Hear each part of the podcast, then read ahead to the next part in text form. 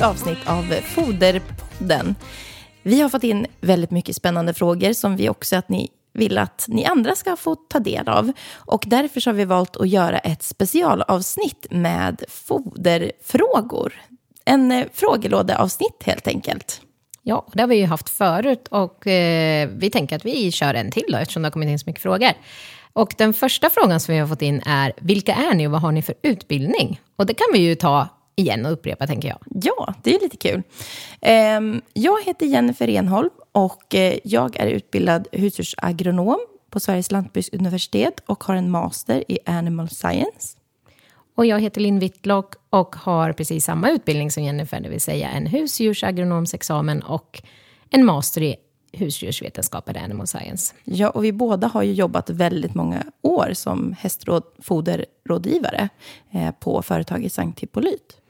Ja, och under våra år här så har vi ju kommit i kontakt med väldigt mycket hästar, både som har vi varit ute och hullbedömt, det blir många hästar i veckan, och vi har räknat väldigt mycket foderstater och läst tusentals grovfoderanalyser. Så att under de här åren så har vi ju, förutom den här fina utbildningen som vi skaffade oss för många år sedan blir det ju nu, så har vi också jobbat aktivt som rådgivare i ganska många år. Så att eh, därför är det jättekul att kunna ha den här podcasten och kunna dela mer kunskap Jajamän. till andra. Ja, men då kör vi igång. Um, och eh, här har vi fått en fråga. Min vallack är lite rinnig ur rumpan. Bajset är skapliga bollar men rinner ändå vätska ur baken. Har ni några tips förutom gäst? Ja, alltså det här låter ju som att det skulle kunna röra sig om fri fekal vätska. Eh, och det har vi ju haft eh, ett helt avsnitt om nyligen. Eh, men det man skulle kunna göra när man har provat till exempel gäst, som är en probiotika, det är ju att man ja, dels provar att byta grovfoderparti. Det kan ju vara så att hästen blir bättre om man byter. Dels, vissa hästar då blir bättre om de byter från hösilage till hö och andra hästar blir bra även om man byter från det ena partiet till det andra. Så det är ju någonting som man skulle kunna prova att göra. Eh, och då tänker på att man gör ett foderbyte försiktigt. Eh, något som vi också rekommenderar som vi har bra erfarenhet av det är ju att man kan prova att ge en höpellets till sin häst. Och eh, den här höpelletsen som vi rekommenderar, ja, till exempel Glyx Visa Hökops, det är ju en fiberbaserad, alltså en ren, ett rent grovfoder egentligen som man har pelleterat, men som innehåller väldigt bred sammansatt eh, fiber, alltså olika antal fibrer, vilket då kan påverka hästens mikroflora i grovtarmen. Så det är någonting som jag brukar rekommendera att man får fodra. Man behöver inte ge så mycket egentligen, men att man ger under lite längre period. Och det har vi god erfarenhet av. Eh, nästa fråga, Jennifer. Vad är skillnaden mellan mash och müsli? Ja, eh, då tycker jag vi ska gå in och fundera på lite vad de olika har för typ av syfte. För att mash till exempel är ju, med mash är ju inte syftet att den ska täcka hästens näringsbehov, utan tanken med den är ju mera för att stabilisera tarmfloran eller att bibehålla en god tarmflora. Ehm, och den tillför bra råvaror för just tarmen. Ehm, tittar man på en müsli snarare så är den mer för att täcka hästens näringsbehov med det som de näringsämnen som kanske inte ett grovfoder täcker. Men också tillföra lite mer energi om hästen behöver det och sånt där, om den jobbar mer. Och det kan vara olika typer av energi, Mer långvarig energi eller att man vill ha snabbare energi. Det beror helt på vad, vilken typ av häst man har och sådär. Um, sen tycker jag det är viktigt att man funderar på vilken typ av bärs man väljer, för det finns otroligt många olika. Och det är viktigt att man funderar vilken man väljer, just så att man får så många råvaror som möjligt som fungerar stabiliserande så att man får den bästa effekten. Och är det så att man vill undvika att ge stärkelse och socker till sin häst så har vi två varianter. Eh, Glyxmash eller Alpengryn Mash till exempel i vårt sortiment. Så det finns också, för det är någonting som många eh, säger också, eller så där man har fått lite om bakfoten kanske, att mash innehåller mycket stärkelse. Det behöver inte alls vara så, utan det finns många olika varianter. Och det är väl som precis med alla foder skulle jag säga, att det är viktigt att läsa på vad innehåller fodret och vad är, alltså både ingredienslistan och eh, näringsinnehållet. Ja, och här har det också kommit en fråga. Jag undrar om det funkar att blöta Equigard Nordic Müsli, det vill säga en, en av våra sorter från Sankt Hippolyt. Jag ger Glyxmash med 3-5 liter vatten och det kan dröja upp till en timme innan stallägaren ger maten från dess att jag har gjort i ordning den. Så müslin hinner också bli blötlagd på detta sättet. Ja, absolut. En müsli kan man blötlägga. Det är ingenting som vi säger att det bör du göra, eh, utan mer att det kan du göra. Eh, däremot om vi har en pellets, den här, det här fodret finns ju till exempel också i pelletsform, eh, som många andra foder. Och däremot så säger vi att pellets ska blötläggas, eh, för att hästen inte bland annat då ska få foderstrupsförstoppning. Eh, det man ska tänka på generellt sett tycker jag vid, vid blötläggning av foder, det är att man inte blötlägger fodret för lång tid egentligen. Eh, nu är det vinter när vi spelar in det här eh, avsnittet och då är det ganska kallt ute. Vi brukar säga så här, lite kylskåpstemperatur utomhus. Och då klarar sig generellt sett fodret lite längre blötlagt. När det börjar bli varmare ute, eh, då bör man ha koll för att värme och fukt tillsammans, det är ju en väldigt gynnsam eh, miljö för bakterier. Så att någonstans upp mot två timmar, men man ska vara lite försiktig sen. Alltså jag, tänker, jag brukar säga att tänk som i ditt eget, din egen mat, i livsmedel helt enkelt. Att, eh, tänk ja, hur du gör hemma, mm. även med ditt foder. Så att, eh, på, på, som på frågan, man kan blötlägga müsli, men man behöver inte. Pellets bör blötläggas och tänk på tiden som man blötlägger fodret. Eh, nästa fråga, hur gör jag vid ett foderbyte? Kort och gott. Mm. Ehm, byte av foder i större mängd bör ske under minst två veckor. Så har man till exempel man ska byta ut sitt grovfoder eller så, så är det ju minst två veckor. Eh, det här är någonting som vi alltid brukar förhålla oss av, eh, om, eh, vi foderrådgivare. Just att rekommendationen är minst två veckor, för det gör ju heller ingenting om det går långsammare. Det är ju bara bra för hästen om, om bytet tar lite längre tid. Ehm, och det är ju framförallt för att mikroorganismerna i grovtarmen ska hänga med, för de är anpassade efter det näringsinnehållet som de får via fodret. Så de ska hinna med att anpassa sig på nytt till det nya näringsinnehållet i det nya fodret. Um, och det man praktiskt gör när man gör ett foderbyte är att man successivt minskar den dagliga givan av det fodret man ger Eh, och ska fasa ut. Samtidigt som man ökar upp givan successivt av det nya fodret man ska fasa in. Eh, det är såklart att det kan gå fortare än två veckor om man bara ger en deciliter av ett tillskott eller sådär. Om man ger väldigt liten mängd så brukar det inte vara några problem att, att det sker lite snabbare. Men generellt sett ska det ske under minst två veckor. Eh, och under ett foderbyte så brukar vi ofta rekommendera att man kompletterar med en mash just för att stötta tarmfloran och mikroorganismerna där. Eh, så att de får lite extra hjälp helt enkelt. Lite som du var inne på Jenny, för tänker jag med det här att mängden foder, jag tänker grovfodret, är ju alltid den största delen i hästens foderstat. Och, och där så... pratar vi ofta kilon och det, det blir ju en stor mängd som ska bytas ut jämfört med ett kompletteringsfoder som är... Ett par hundra gram. Ja. ja så att, men ändå tänker jag att det är många som just glömmer bort det och man byter partier på grovfoder och man hinner inte göra den här övergången.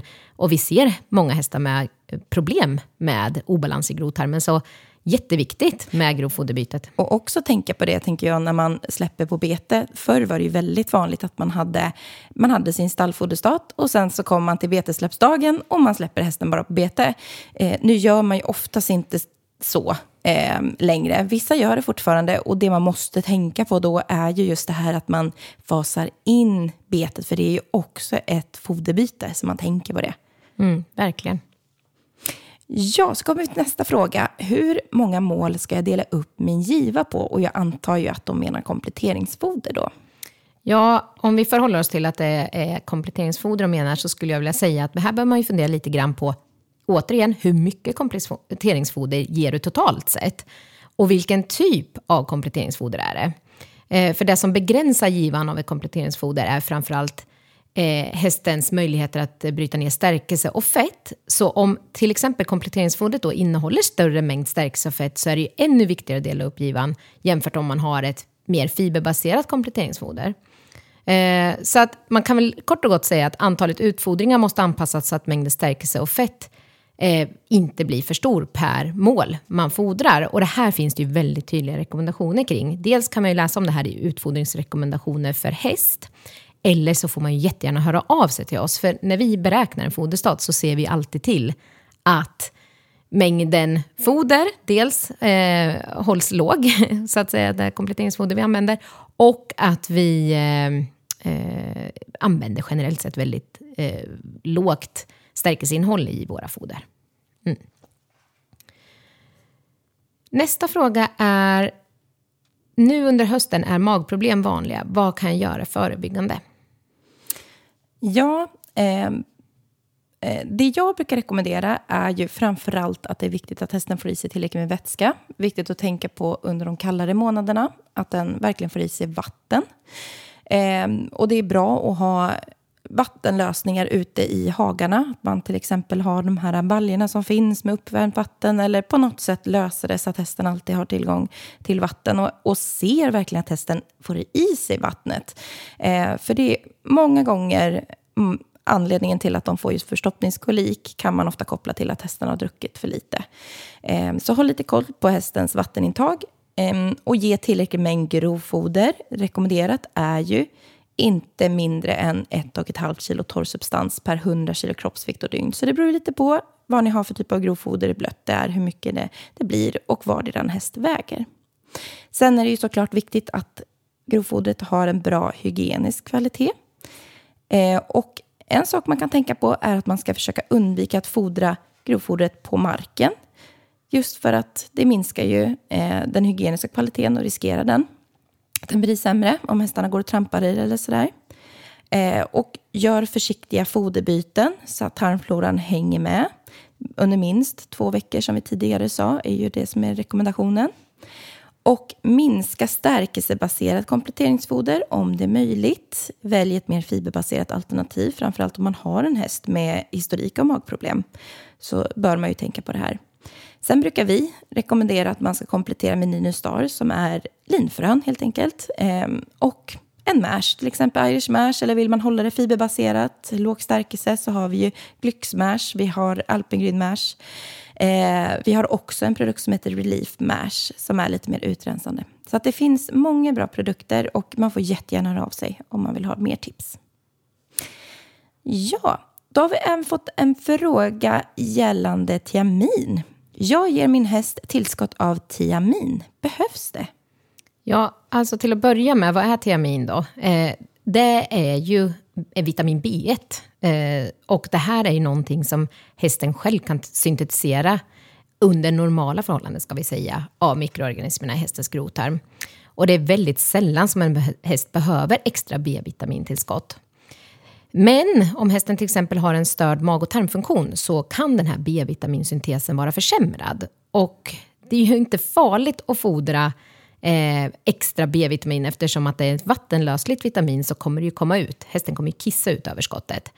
Men tyvärr så blir det i så fall bara en helt onödig kostnad eller utgift för eh, hästägaren då. Onödigt dyrt kiss kan man säga. I det, kan man säga det kan man säga. I värsta fall. Eh, och som sagt, det är väldigt sällan som det behövs. Eh, om det är så att till exempel hästen har eh, under en längre tid till exempel en obalans i grovtarmen eh, och man vill stötta hästen extra så är ju en naturlig källa av tiamin eller vitamin B1 då, eh, ingår i bryggerijäst.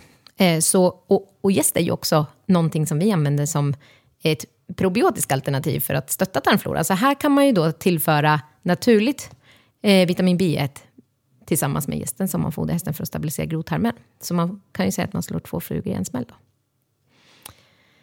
Eh, nästa fråga, jag tänker vi fortsätter. Vill du har varit inne på det här med mesh flera gånger då Jennifer, men jag fortsätter mm. på nästa fråga. Det är bra med mesh. Ja, och vi får ju frågor omkring det, så att jag tänker du får svara på nästa fråga också. Vad är skillnaden mellan rena betfibrer och mesh?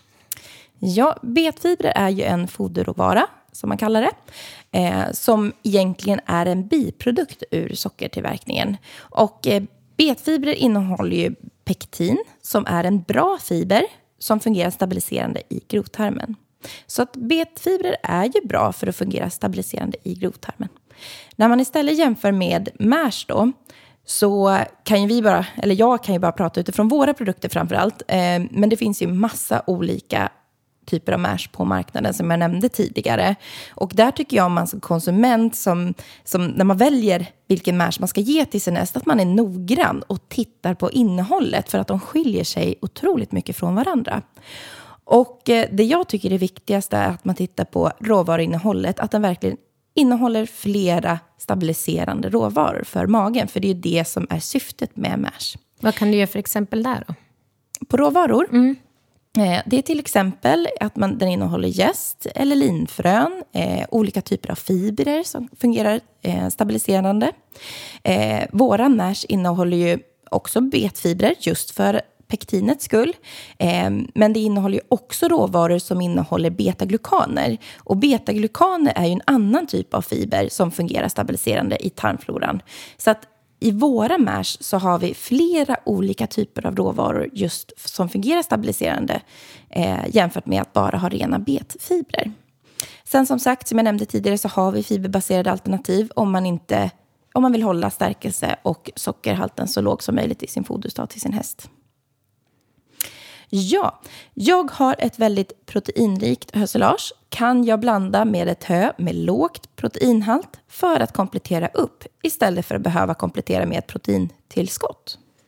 Ja, alltså har man ett grovfoder, det spelar ju egentligen ingen roll om det är ett foder med låg proteininnehåll eller något som har väldigt högt proteininnehåll, då kan man ju eh, hitta ett grovfoder som balanserar upp eller kompletterar det här andra grovfodret. Om man inte kan byta grovfoder till exempel, då kan man blanda och ge till exempel 50-50 för att det totalt sett då blir eh, ett bra näringsmässigt grovfoder för hästen. Så att i och med att göra det här så kommer man ju kunna ge en större mängd grovfoder då, istället för att behöva byta ut det till eh, kompletteringsfoder. Och man får längre tid och eh, man får också säga att det är mer ekonomiskt. Men här gäller det då att man hittar ett grovfoder som verkligen är tillräckligt för att balansera upp det ena eller det andra. Och, och hittar man inte det så är ju alternativet att lägga till ett kompletteringsfoder eftersom det är jätteviktigt att vi faktiskt täcker hästens näringsbehov. Ja, vi tjatar ju mycket om det här med kvoten på sex, det vill säga att hästen behöver, alla vuxna hästar behöver en kvot på sex. Eh, och vi har ju också fått lite funderingar kring hur räknar man ut det här och det har vi sagt många gånger, men vi tänker att vi tar det igen. Mm. Om man till exempel har ett grovfoder som innehåller 60 gram eh, smältbart råprotein per kilo TS. Eh, om jag då ska få en kvot på 6 så behöver ju då det här grovfodret ha en kvot ungefär, eller förlåt, ett energiinnehåll på 10 megajoule. För då delar jag då 60 delat på 10 så får jag en kvot på 6. Men på samma sätt är det ju då om jag till exempel har ett lägre energiinnehåll så behöver ju då proteininnehållet vara lägre för vi har fortfarande samma kvot när vi delar då mängden protein med energi. Så att de här två hänger ju ihop med varandra. Och har man då ett grovfoder som man kompletterar upp med, som har ett, vi säger att vi har ett, ett grovfoder med väldigt, väldigt lågt proteininnehåll, vilket vi träffar ganska ofta, då behövs det ett ganska högt proteininnehåll om man ska kunna kompensera upp det här. Eh, så att har man funderingar och frågor så får man jättegärna skicka analyserna till oss, för då kan vi räkna på det och se vilken mängd behövs det av det ena eller andra fodret för att vi totalt sett ska få en bra balans i foderstocken. Eh, nästa fråga. Jag ger min islandshäst en till två morötter per dag. Behöver jag lägga in det här i foderstaten? Ja, eh, jag skulle säga att man inte behöver lägga in det om, om det är så pass liten mängd. Eh, men man kan ju också utfodra med morötter i större mängd. Det finns ju de som gör det, upp till något kilo per dag. Och då så bör man ju räkna med det i foderstaten. För morötter innehåller ju för det första så innehåller ju de en hel del vatten. Eh, men utifrån torrsubstanshalten på, eh, på dem, det vill säga att när man tittar på vad de innehåller. Eh, så man brukar säga att de innehåller 12 procent eller de har en torrsubstans på 12 procent. Förlåt, nu kanske jag snurrar till det lite här. Men morötter har en torrsubstans på cirka 12 procent, så det är väldigt blött. Eh, och tittar man då på vad de innehåller så ligger innehållet på 1,4 megajoule ungefär omsättningsbar energi per kilo foder och 8 gram smältbart råprotein per kilo foder.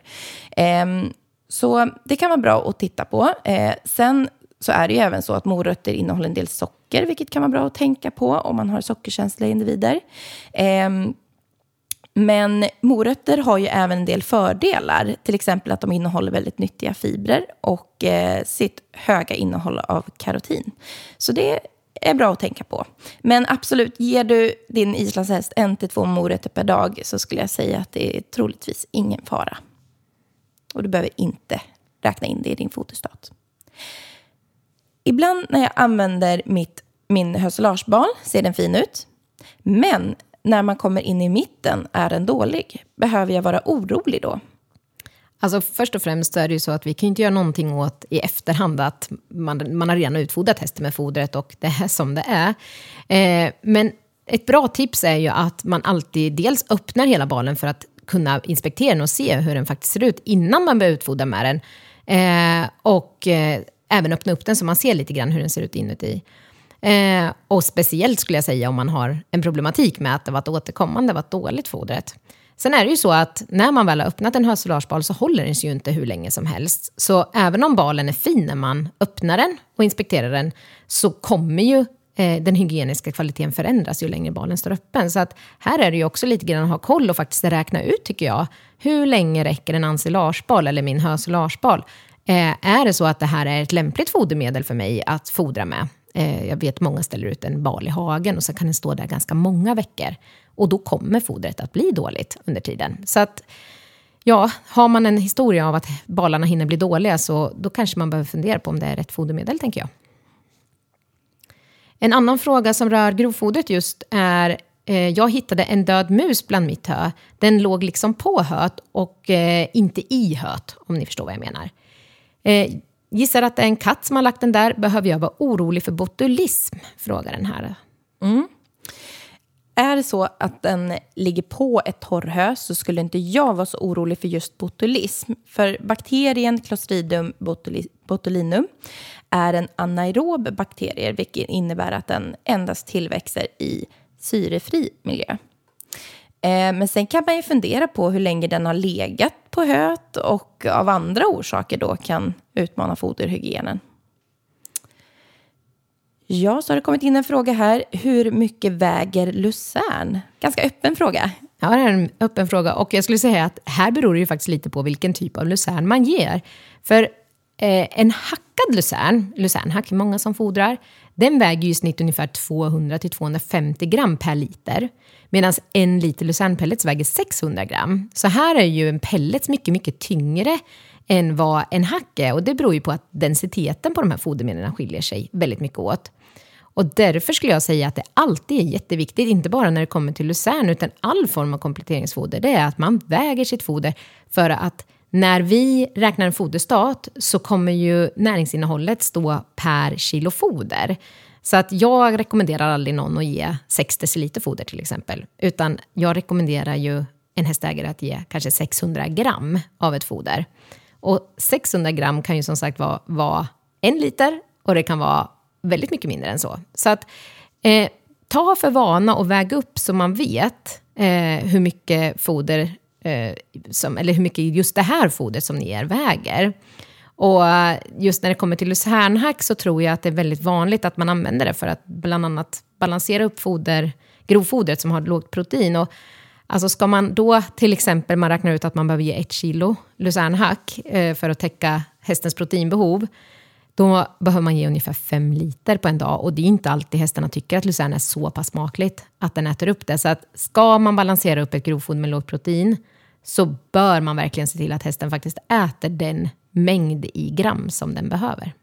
Jag tror det är väldigt vanligt just där att man ger lite lucernhack men man inte ger tillräckligt. För man förstår inte att att den här densiteten är så pass att man behöver komma upp i så stor mängd. Volym. Volym, ja. exakt. Mm. Eh, för att nå tillräcklig mängd. Mm.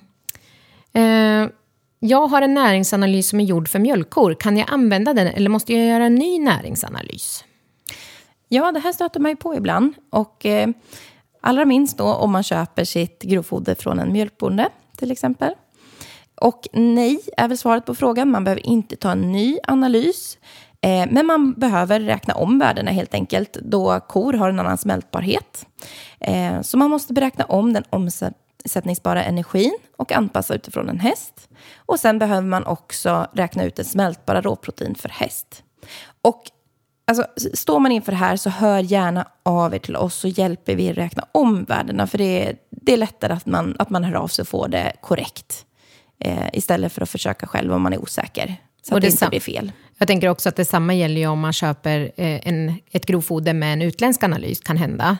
Eh, inte minst när vi hade problem med produktionen själv i Sverige. Då läste vi mycket utländska analyser och man har andra foderenheter även där. Så att är det så att man står med en analys eh, som har en annan foderenhet eller då är gjord för ett annat djurslag, så skicka analyserna till oss så hjälper vi er. Det finns ju massa olika typer av mineraler. Originalvarianter, avelsvarianter och varianter för tävlingshästar. Är det någon skillnad mellan dessa och vad ska jag tänka på när jag väljer mineraler? Eh, ja, alltså mineraler skiljer sig en hel del åt i sammansättningen. Både mellan de här typen av mineraler, men också mineraler från olika producenter. Eh, och jag skulle nog säga att jag tycker att man ska välja mineral utifrån den kategori av häst man har eh, och utifrån eh, hösilaget snarare än olika typer av mineraler. Och sen kan ju mineralfoder skilja sig väldigt mycket eh, också i sin kvalitet. Dels om, då, om det är ett stor andel organiskt bundna mineraler eller om det är icke-organiska mineralföreningar. Eh, och där har man ju sett, om man gjort studier, att vissa organiska bundna mineraler har ett högre eh, upptag än icke-organiskt bundna mineraler.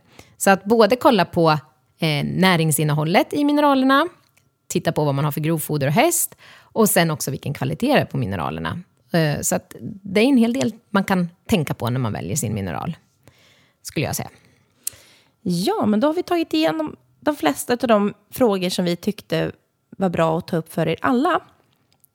Um, Fortsätt skicka in frågor. Fortsätt skicka in frågor till oss. Och eh, det gör man genom att man mejlar info eller så kan man ringa oss på 0413 486 100. Och då hjälper vi till dels att besvara sådana här typer av foderfrågor och vi hjälper också till att beräkna foderstater. Så hör gärna av er så hjälper vi er. Ja, men tack så mycket för idag och tack för att ni lyssnar på oss. Tack.